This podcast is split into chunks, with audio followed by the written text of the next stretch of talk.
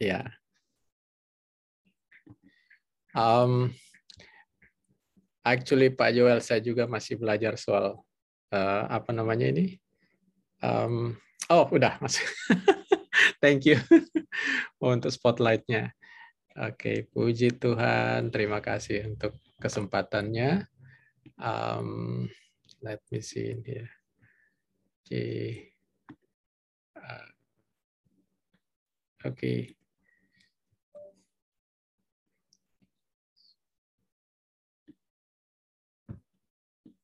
Oh, sebentar Pak Joel, ada masalah tentang presi saya lagi off.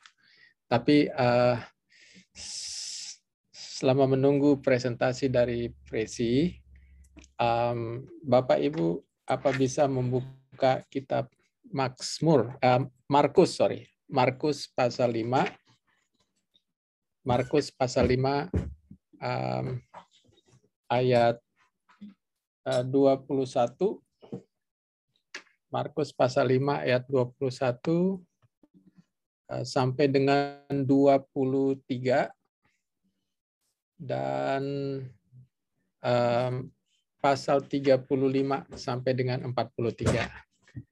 Sorry, ini uh, presi saya lagi ada sesuatu terjadi.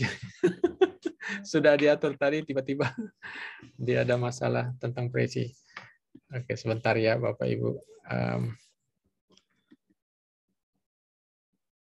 okay. Wait, where's the... Shalom Ibu Sarah. Shalom Pak. Luar biasa Bu. Oh. Nah yang dia punya presinya. Ini presi udah di sini. Oh. Sudah udah oke. Okay. Oh, sudah. Yeah. Uh, cuma dia punya yang ini lagi tunggu jadi please wait di situ. Emang, emang pasti. So mungkin masuk di situ kali ya. Okay. Sorry ya Bapak Ibu bisa tunggu sedikit. Udah diatur tadi tiba-tiba.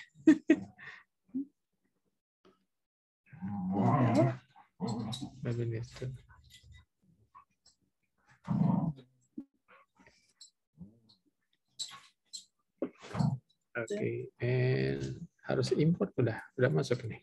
I don't know. Coba kayaknya PowerPoint ya. Sorry. Sepertinya pas mau buka itu harus di setup. Yeah. Oh, oke okay, oke. Okay. So it's important right now. Hmm. Ya. Sorry. Sudah mulai bisa. Ya, udah mulai bisa. Cuma. okay. Import.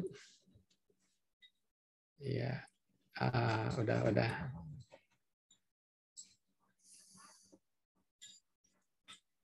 Ya, kayaknya sudah. Oke, okay, um, topik kita malam ini tentang melihat yang uh, tak terlihat.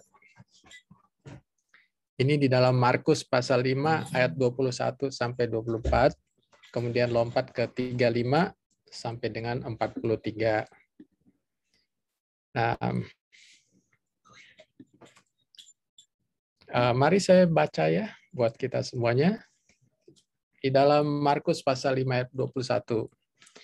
Sesudah Yesus menyeberang lagi dengan perahu, orang banyak berbondong-bondong datang lalu mengerumuni dia. Sedang ia berada di tepi danau datanglah seorang kepala rumah ibadat yang bernama Yairus.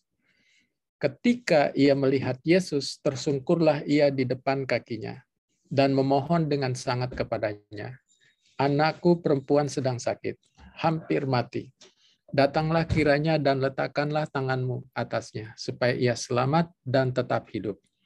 Lalu pergilah Yesus dengan orang itu. Orang banyak berbondong-bondong mengikuti dia dan berdesak-desakan di dekatnya. Ketika Yesus masih berbicara, datanglah orang dari keluarga kepala rumah ibadat itu dan berkata, Anakmu sudah mati. Apa perlunya lagi engkau menyusah-nyusahkan guru? Tetapi Yesus tidak menghiraukan perkataan mereka dan berkata kepada kepala rumah ibadat, Janganlah takut, percaya saja. Lalu Yesus tidak memperbolehkan seorang pun ikut serta kecuali Petrus, Yakobus, dan Yohanes, saudara Yakobus.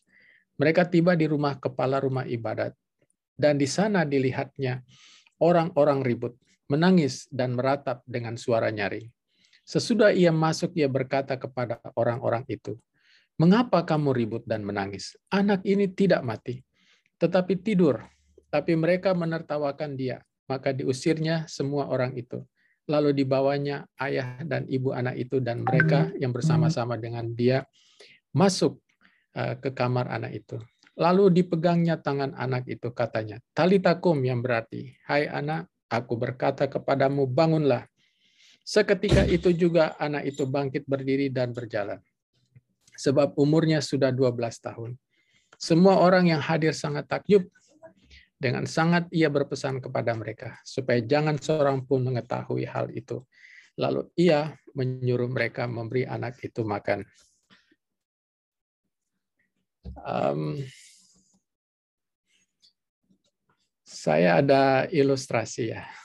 Ini dari namanya um, Max Lucado. Saya penggemar bukunya. Kalau Bapak Ibu sempat lihat uh, buku tentang Max Lucado, uh, saya, saya salah satu penggemarnya. Dan ini salah salah satu analisa dari beliau dari salah satu bukunya. Ada salah, satu ilustrasi dari Pak Max Lucado. Dia menyuruh dua anaknya untuk membuat satu eksperimen. Ada dua anak nih, yang satu anak perempuan, yang gede namanya Jena, yang satu lagi anaknya yang laki-laki yang kecil. Yang anak perempuan dia suruh untuk tutup matanya. Kemudian yang anak laki-laki yang kecil dia suruh memberi komando. Jadi yang ditutup matanya dia harus berjalan dari satu sisi ke sisi lain. Tapi tanpa melihat karena ditutup ya. Yang anak kecil dia memberi komando ke kiri, ke kanan, lurus sampai ke ujung sini. Problemnya adalah di antara si ujung ini ke ujung yang lain, di tengah-tengahnya ditaruh uh, perabot rumah tangga. Misalnya vas bunga, yang mana mama ibu dari orang ibu dari kedua anak ini paling suka ya. Bayangin kalau dia tabrak, kemudian vas bunganya pecah. Waduh. Jadi ada rintangan nih ceritanya di tengah-tengah. Nah, akhirnya uh, berjalanlah eksperimen ini. Yang kecil memberikan komando ke yang kakaknya. Dua langkah ke depan, tiga langkah ke kanan, dua langkah ke kiri. Terus sampai akhirnya yang kakaknya tiba di ujung sini. Ketika selesai uji coba, sang ayah si Max ini tanya buat anak, yang perempuan. Perasaan kamu seperti apa?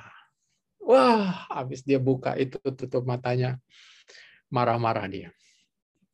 Pak, lain kali jangan buat seperti ini lagi. Saya takut sekali. Saya takut menendang vas bunga mama saya. Bayangin kalau jatuh, pecah. Wah. Terus tanya lagi ke yang adik kecilnya. Bagaimana perasaan kamu? Aduh, Pak, jangan lagi yang kedua kali. Saya deg-degan, ketakutan memberi komando. Bayangin kalau kakak saya salah melangkah. Jadi mereka berdua khawatir, Bapak Ibu. Nah, Jena, sang kakak ini yang matanya tertutup, dia beritahu bahwa dia tidak suka berjalan di dalam kegelapan. Pak, saya sampai meraba-raba dinding. Mencoba supaya selamat walaupun adik saya memberitahu kiri kanan. Saya coba meraba kiri kanan.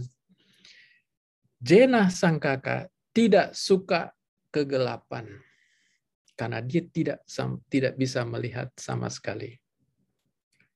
Bapak Ibu yang saudara kasihi, yang Tuhan kasihi. Kita pun tidak suka kegelapan karena kita tidak bisa melihat. Saya pun tidak bisa berjanji kepada Bapak Ibu, Bapak Ibu bahwa saya bisa berbicara di sini sampai 24 jam, apakah kehidupan saya sampai minggu depan, apakah kehidupan saya sampai bulan depan, saya tidak bisa menjamin. Karena saya tidak bisa melihat, saya masih tertutup. Nah, kalau sampai kita merasa berjalan di dalam kegelapan, Bapak Ibu merasa berjalan kegelapan, coba tanyakan siapa itu Jairus. Nah, ini Jairus, Bapak Ibu. Jairus seorang kepala rumah ibadat. Kalau kita masih dalam pikiran di dalam kegelapan, dia ini orangnya kalau kita mau nanya tentang kegelapan itu. Jairus sendiri, Bapak Ibu, dia bukan saja jalan di dalam pinggiran goa, dia pun berjalan dalam ke dalam goa yang paling dalam. Dia sampai meraba-raba tembok itu. Dia sampai takut, misalnya terantuk batu ya, atau bisa jatuh, karena dia tidak bisa melihat. Itu kehidupan dia. Kenapa dia hidup dalam kegelapan? Kenapa dia tidak hidup? Kenapa dia tidak bisa melihat? Nah, sebelum kita masuk ke penjelasan ini, saya perlu sampaikan bahwa Yairus itu kepala ibadat, rumah ibadat. Wah, dulu kalau kepala rumah ibadat, wah hebat. Itu macam seperti sekarang bos. Atau kalau dalam militer, ketentaraan, itu jenderal pangkat atau pemimpin besar. Jadi kalau ke mana saya terkenal, kalau misalnya ke ruko-ruko zaman sekarang, misalnya dia hidup sekarang nih, ke ruko-ruko, ke mall, masuk ke restoran, wah itu semua pada tunduk silakan. Nah, dia orang sangat terkenal, bahkan mungkin bisa dapat foto bersama untuk promosi ya. Yairus itu sangat terkenal, Bapak Ibu. Mungkin kalau dia hidup sekarang Selasa Kamis dia main golf. Pokoknya kehidupan dia sudah sudah mapan ya untuk zaman itu. Tapi walaupun kehidupan dia mapan, dia punya semuanya. Walaupun kehidupan dia mapan, tapi ada satu hal yang dia tidak bisa miliki.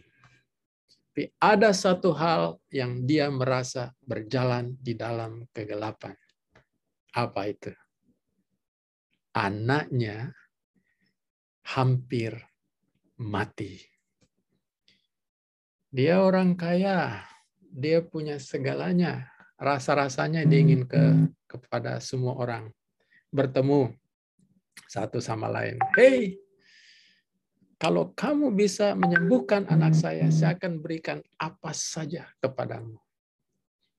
Dia mau hanya supaya anaknya bisa kembali pulih.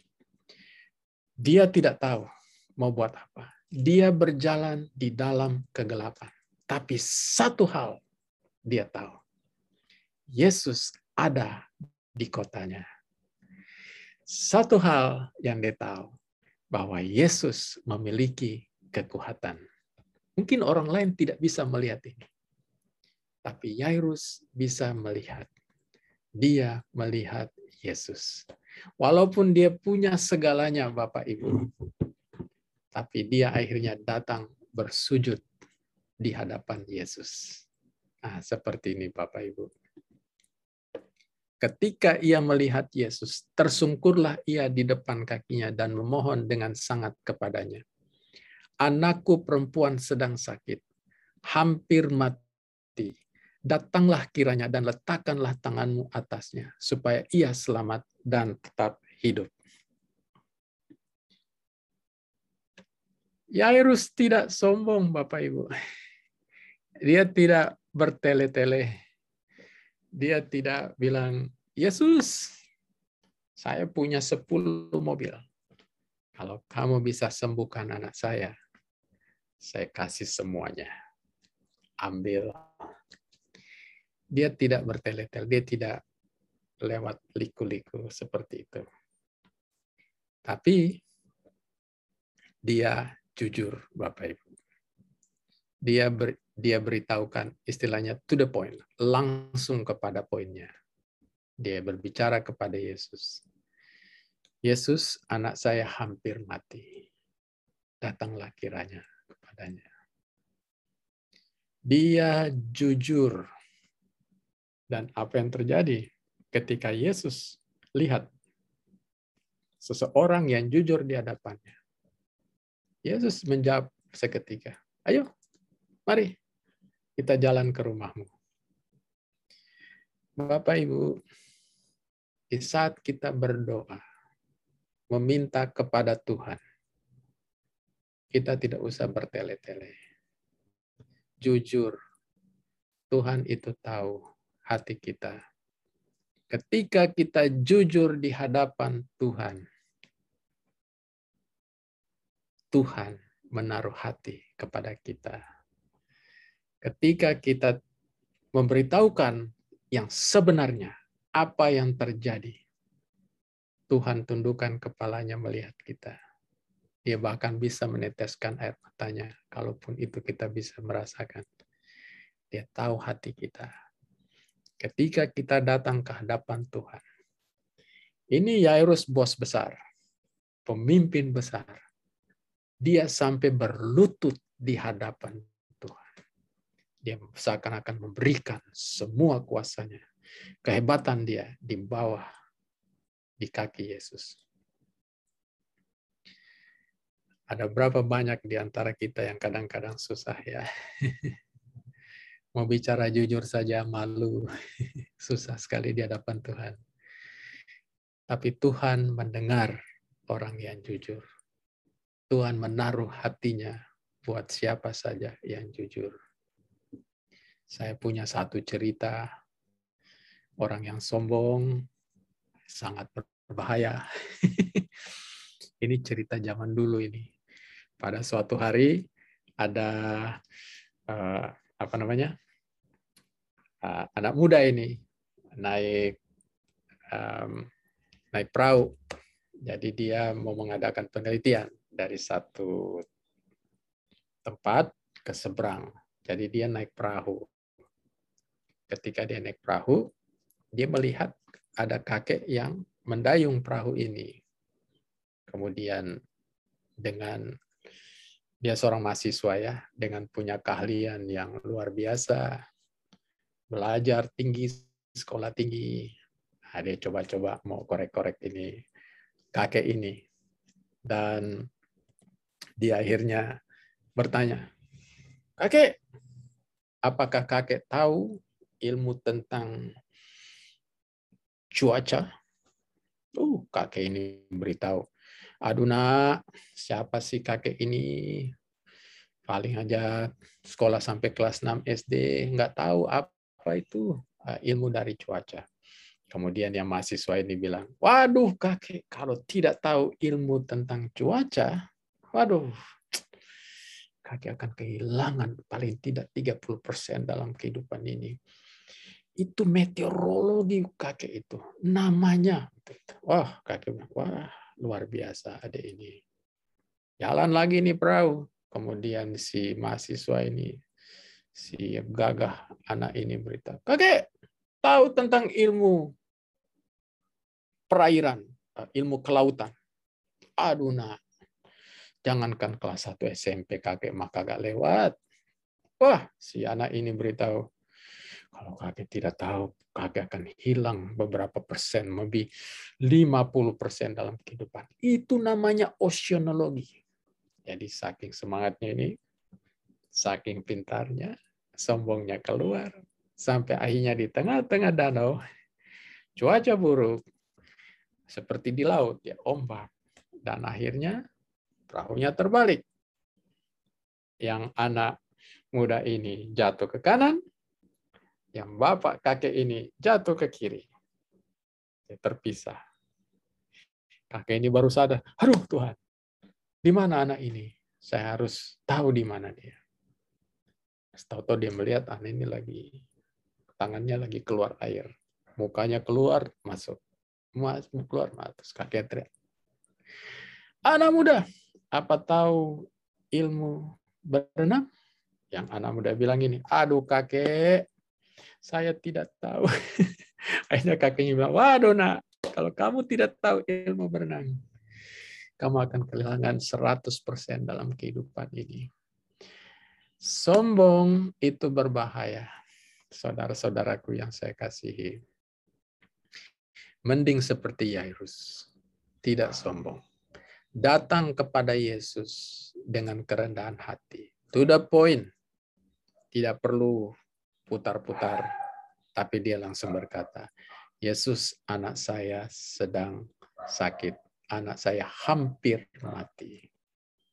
Akhirnya Bapak Ibu, Yesus berjalan uh, dengan Yairus ke rumahnya. Nah, kita perhatiin, perhatikan ayat berikutnya.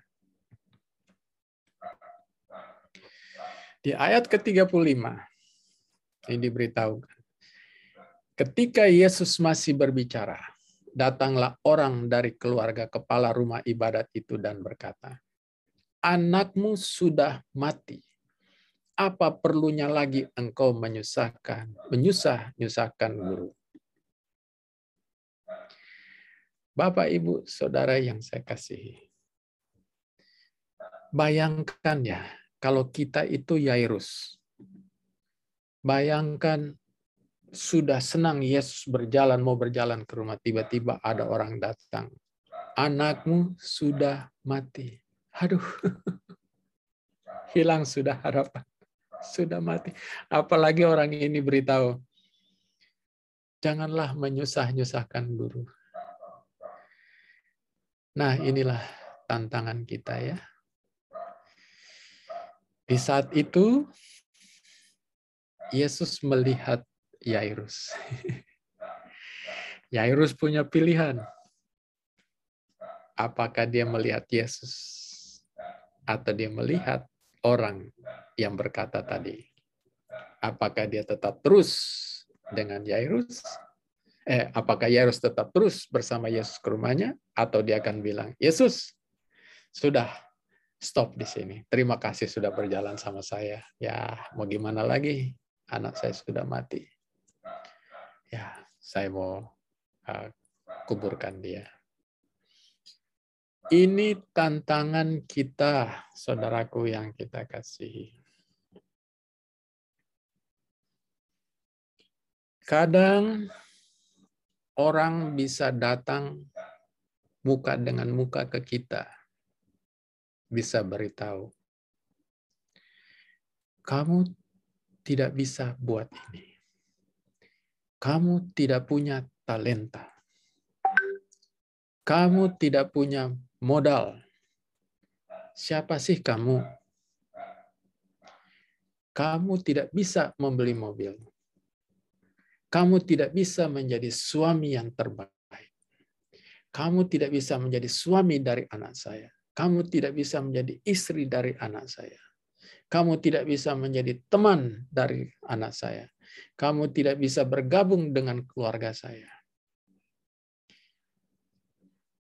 Kadang kita diberi tantangan ini. Kita diperkecilkan.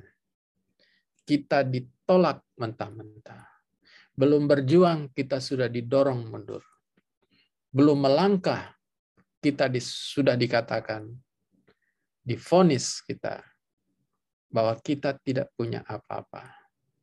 Kita tidak bisa berkembang. Ini tantangan. Bukan saja lewat surat, bukan saja lewat email, bukan saja lewat WA. Ada loh orang-orang lewat WA atau lewat apa bisa menyerang kita dan menjatuhkan sampai ke titik paling bawah. Sedih. Seakan-akan kita tidak bisa berkembang. Nah, ini susah. Ini tantangan. Di saat seperti Yairus mengalami tantangan ini, Yesus tuh melihat Yairus. Dia lihat saya atau bagaimana? Atau melihat orang itu. Dan selesai sudah. Bubar. Saya punya salah satu ilustrasi ini. Pada suatu waktu, ada anak dan bapak sedang naik perahu. Kemudian mereka ke tengah laut. Bapak sama anak ini sedang memiliki waktu bersama uh, anak laki-laki dan bapak. Jadi mereka suka memancing. Jadi mereka memancing di tengah laut. Tiba-tiba cuaca buruk. Akhirnya bapak ini bilang, nah kita stop dulu memancing, kita balik lagi ke darat. Tapi udara atau cuaca itu tidak menunggu mereka sampai ke darat, walaupun masih di tengah laut, cuaca itu cepat datang. Dan akhirnya angin kencang, gelombang. Di saat itu bapaknya uh, mendayung mundur dan anaknya melihat bapaknya. Bapaknya berkata buat anaknya, "Nak, lihat saya." Jangan lihat ke samping kanan, jangan lihat ke samping kiri. Karena gelombang ya. Seakan-akan mau tenggelam. Lihat saya saja. Bapaknya terus dayung. Nah, bapaknya ingin anaknya ini untuk melihat fokus kepada bapaknya. Akhirnya sampailah bapak ini ke ke pulau tiba dengan selamat. Yesus ingin kita melihat Dia. Apa pun yang terjadi kiri, kanan, Dia mau kita melihat Dia. Ketika Yairus mendapat informasi dari orang yang datang dari rumahnya, dengan cepat Yairus melihat Yesus. Dan dengan cepat Yesus berkata kepadanya. Mari kita lihat ayat berikutnya. Ini yang yang Yesus katakan. Tetapi Yesus tidak menghiraukan perkataan mereka dan berkata kepada kepala rumah ibadat, "Jangan takut, percaya saja." Menarik ya yang ini. Yesus bilang, jangan takut. Percaya saja. Kadang kalau kita berbicara percaya, kita harus menyiapkan kapas. Tutup di telinga. Tutup di telinga jika orang berkata bahwa kamu tidak bisa. Kamu punya modal apa? Apalagi mau menjadi gembala, mau buat gereja, mau membangun gereja. Modal kamu apa? Kalau dengar begini kan langsung. Iman bisa dimulai dengan menutup telinga kepada siapa saja yang mencoba menjatuhkan kita. Kadang orang melihat problem daripada melihat Yesus. Ini yang saya maksud, melihat yang tidak kelihatan. Yairus itu berjalan di dalam goa, goa yang gelap paling dalam, semakin dalam, tiap hari semakin dalam, sampai dia melihat sesuatu yang mungkin orang lain tidak lihat. Sampai dia melihat Yesus. Dia keluar dari goa itu. Dan secercah harapan ada di depan dia. Kadang kita seperti ini, daripada melihat Yesus, kita melihat masalah itu udah tertimpa tangga, jatuh lagi, tertimpa lagi. Seakan-akan Yesus bilang, saya di sini, lihat. Ingat yang perahu tadi. Jangan lihat kiri kanan, lihat saya. Dan bagi kita, orang-orang yang sudah melihat Yesus, kita tahu jawabannya. Percaya saja. Wah, luar biasa. Saya suka ini. Ada banyak dari kita yang mungkin meragukan kata percaya ini. apakah kamu percaya? Itu sama saja dengan ilustrasi ya. Mungkin Bapak Ibu sudah pernah dengar yang dari bukit satu ke bukit sebelah. Ada yang akrobatik tuh ya. Bapak yang jago akrobatik itu. Dia membuat tali pasang dari bukit ini ke bukit ini. Kemudian dia berjalan di atas tali.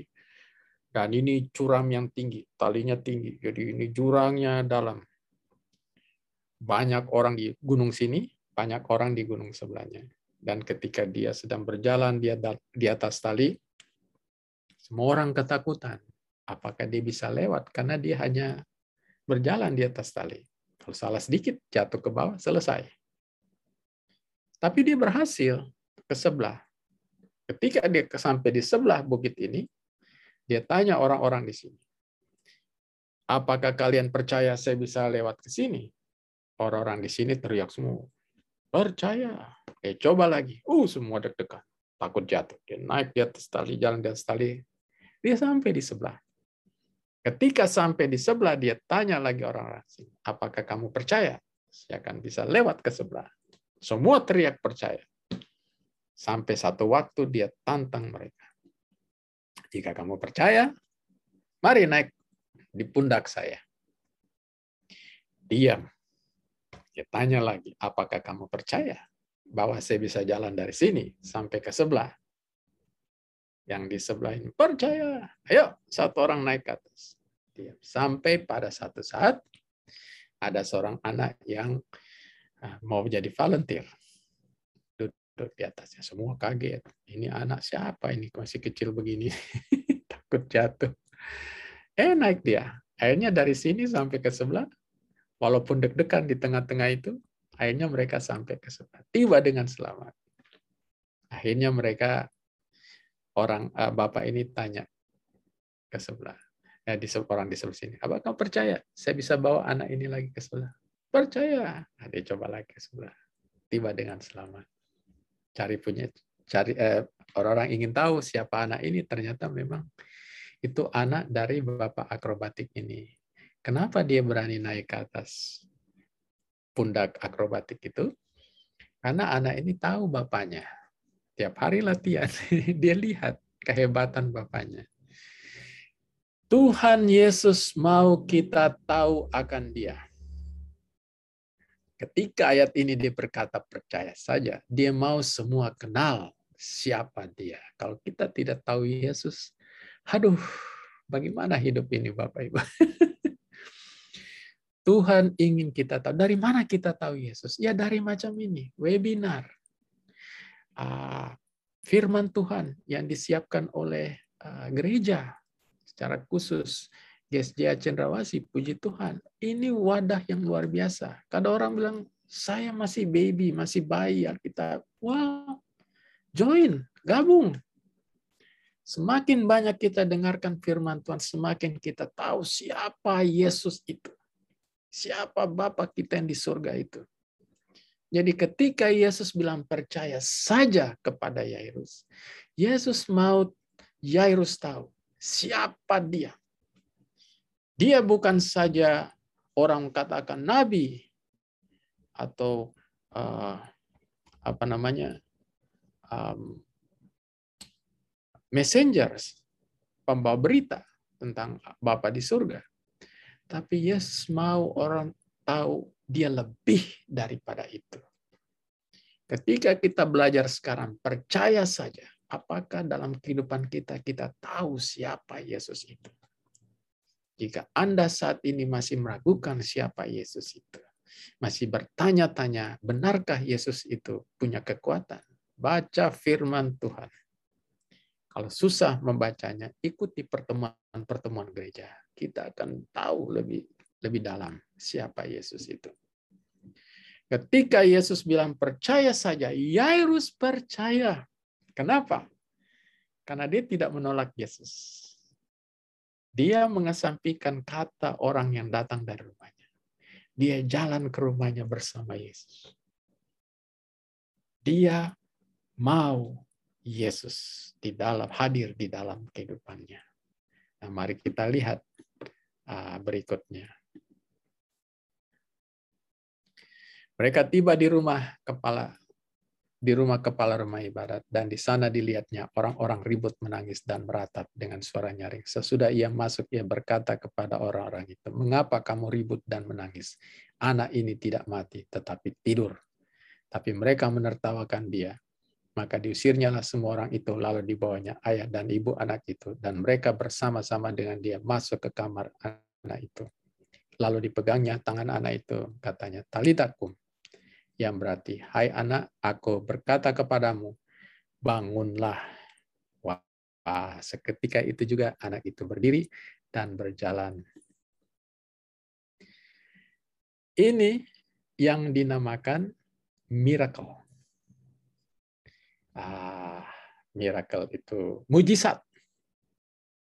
Ini mujizat, bukan sulap. Manusia bisa bermain sulap, magic, tapi tidak bisa membuat mujizat. Hanya Yesus yang bisa membuat mujizat.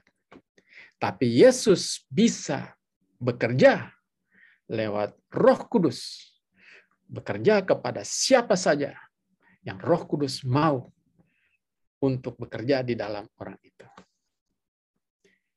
Ini Yesus mau beritahu siapa dia itu. Orang sudah katakan mati anak ini, bahkan menertawakan dia. Tapi dia mau tunjukkan kepada Yairus dan kepada semua orang di situ bahwa dia mempunyai kekuatan melebihi siapa pun. Dia mempunyai power, kekuatan dari Bapaknya yang di surga. Apa yang terjadi? Mujizat terjadi.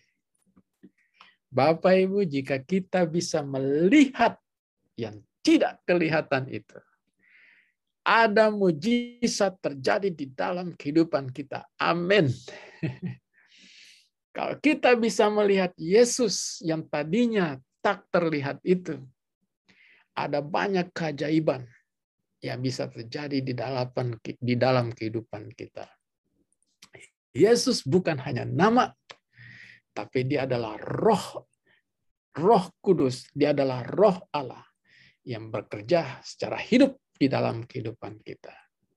Di dalam nama Yesus itu punya kekuatan yang luar biasa Bapak Ibu.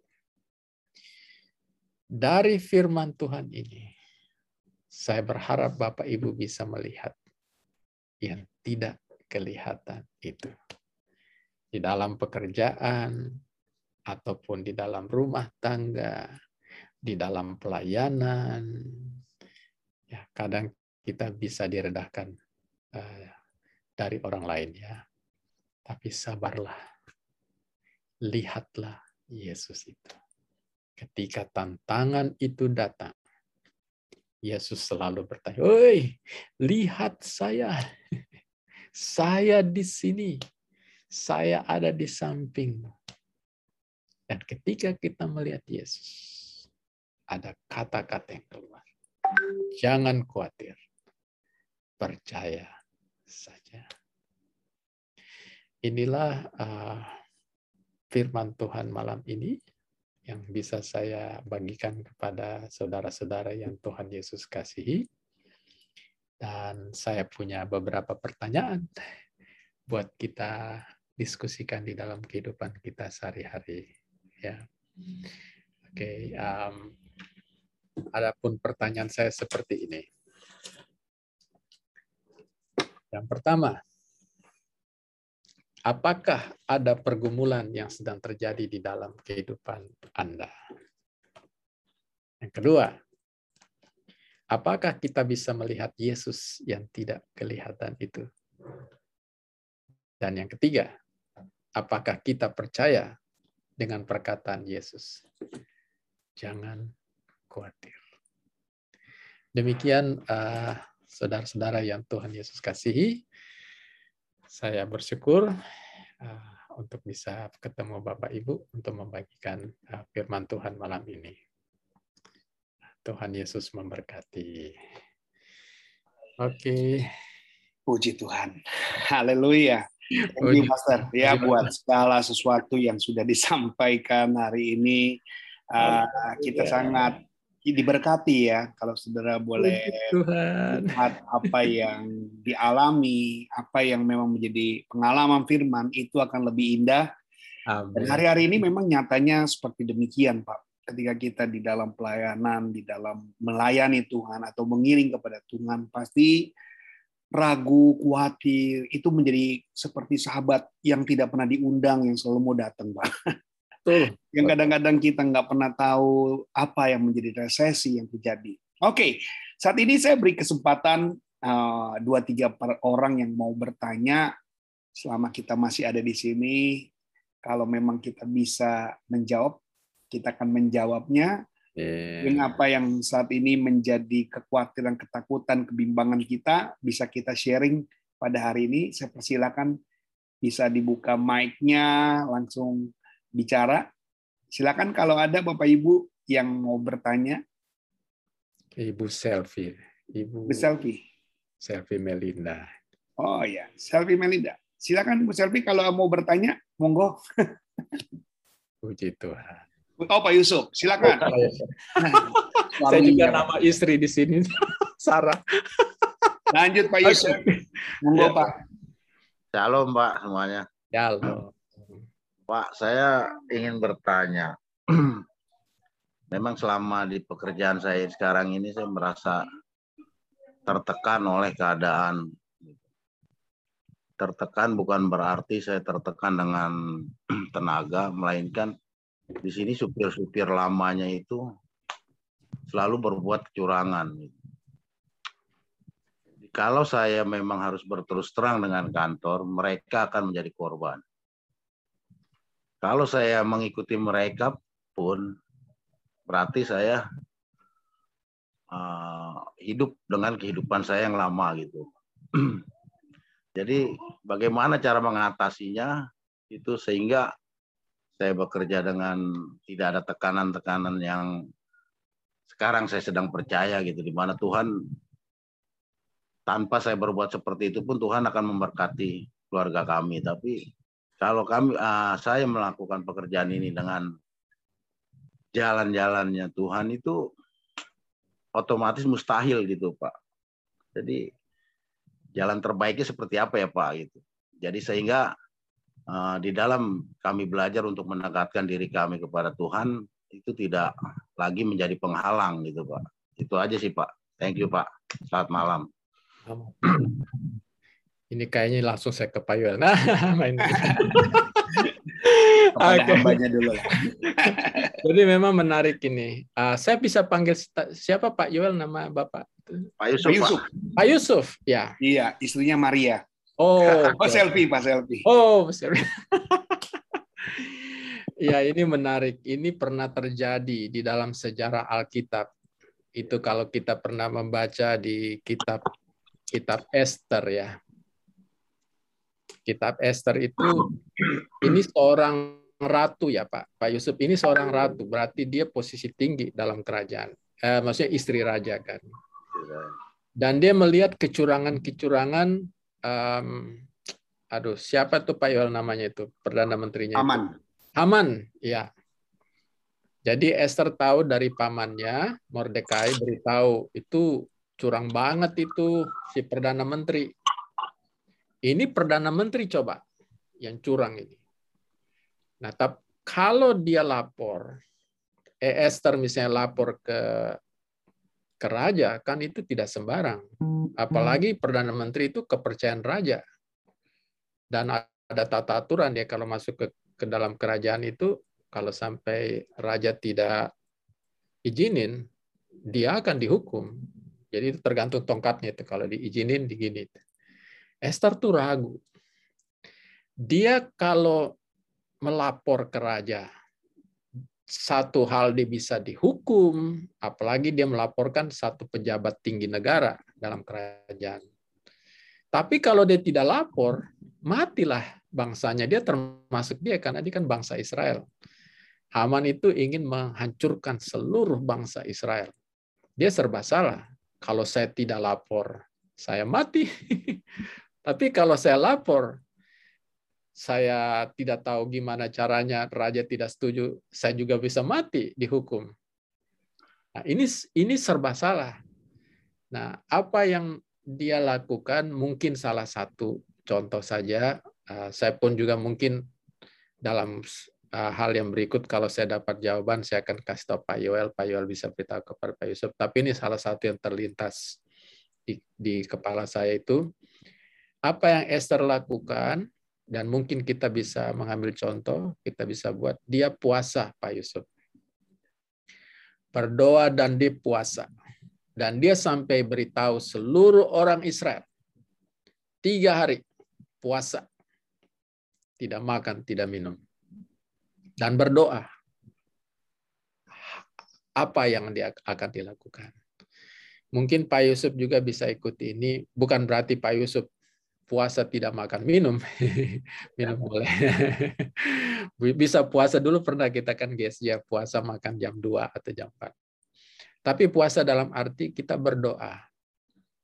Pak Yusuf bisa berdoa Tuhan apa yang memang sebenarnya bisa saya lakukan? Kalau saya tidak laporkan kecurangan bertambah dan itu tidak sehat. Walaupun saya aman-aman saja tapi kalau saya laporkan pasti teman-teman mungkin ada tindakan lain-lain. Ini susah, sulit Pak Yusuf. Tapi mungkin dengan berdoa, dan ini yang tadi dalam webinar ini, dalam seminar ini yang menarik.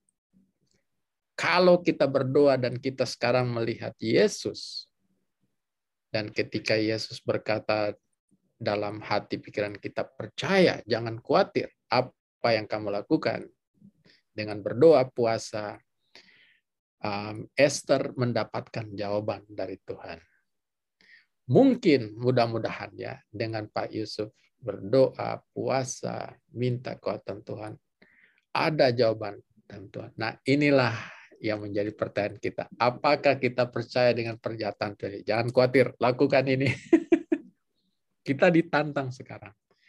Tapi apakah jawaban itu nanti itu adalah hubungan khusus, relasi khusus antara Pak Yusuf dengan Tuhan di dalam doa Pak Yusuf. Saya tidak bisa bilang A, B, C, tapi itu adalah hubungan dengan Pak Yusuf. Kalau misalnya akhirnya Pak merasakan dalam doa Tuhan menyatakan, jangan lapor umpama. Ya sudah, mau apa lagi. Tapi benar-benar kita masuk dalam puasa. Kalau tiba-tiba datang, Pak Yusuf, lapor. Ya mau gimana lagi? lapor. Nah, ini yang pergumulan besar. Bawa di dalam doa dan maupun puasa. Ada saja pasti yang bisa bisa keluar dari situ. Saya juga bantu berdoa buat Pak Yusuf. Mudah-mudahan uh, ada jawaban dari Tuhan. Ya, jangan takut Pak. Nah, ini yang menarik. Tadi saya sempat singgung. Kadang kalau ada pergumulan, kita lihatnya di pergumulan duluan kan. Tapi apakah kita bisa lihat Yesus dulu? Dari sisi Yesus dulu. Gimana nih dianya ini? Sehingga kita tidak langsung karena ini pergumulan besar ini Pak Yesus. Berbicara ya. karyawan, berbicara pekerjaan. Kalau orang kehilangan pekerjaan kasihan kan? Ya. Tapi kalau kecurangan itu terus-menerus terjadi, kasihan juga. Ini Pak di tengah-tengah mirip sekali dengan Esther ini. ya saya harap ada jawabannya Pak ya dari Oke, Thank you Pak Sarta. Ya, Tuhan berkati. Tuhan berkati juga. Iya, luar biasa.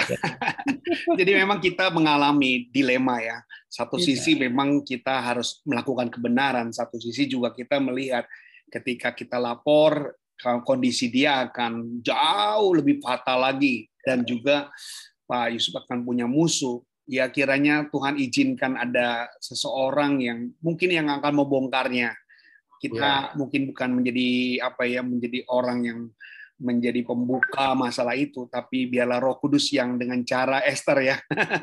Luar biasa. Oke Tuhan memberkati. Thank you. Ada lagi yang mau bertanya?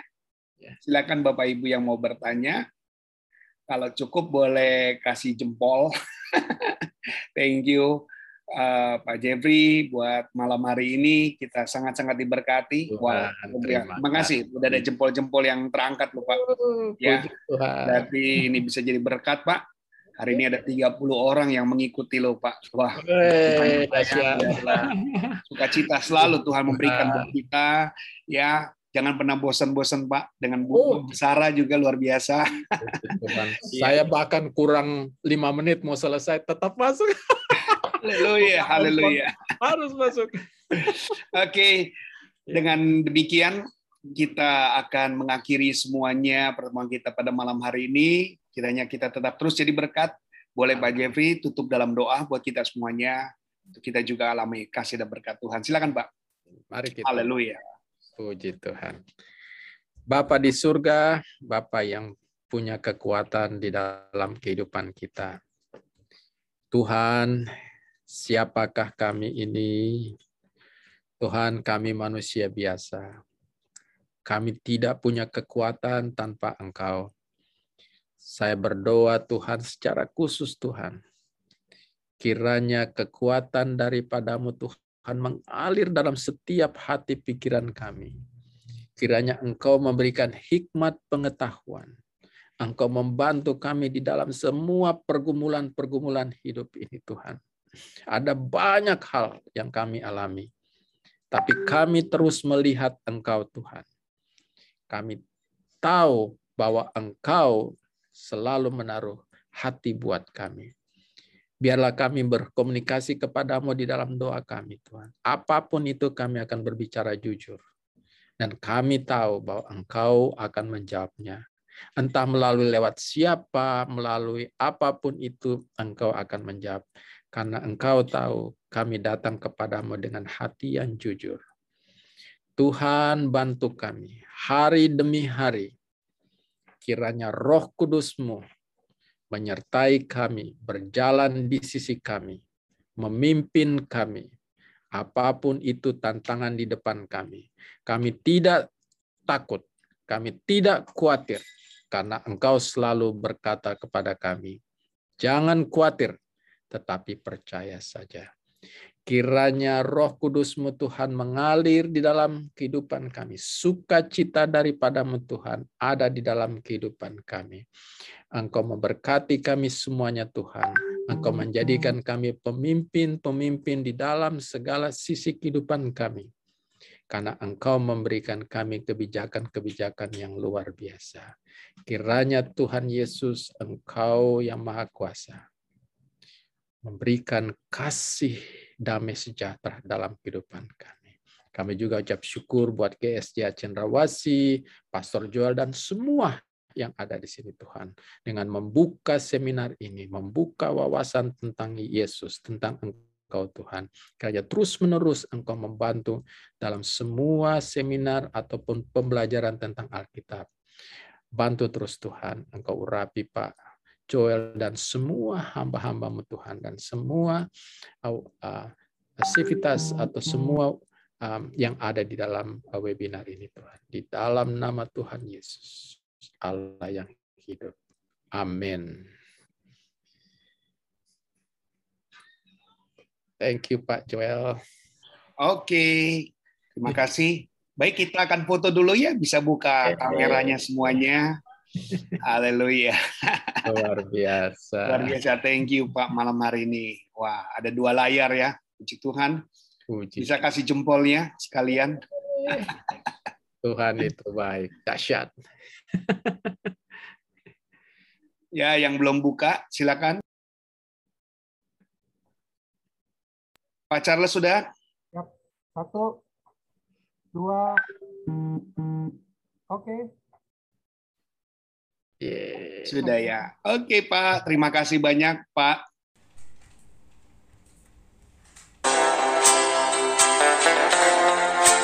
Sampai jumpa esok hari. Kiranya damai sejahtera dari Allah Bapa, kecintaan dan kasih karunia Tuhan kita Yesus Kristus, persekutuan serta penghiburan dari Roh Kudus menyertai kita sekalian mulai hari ini sampai Maranatha Tuhan Yesus datang. Amin.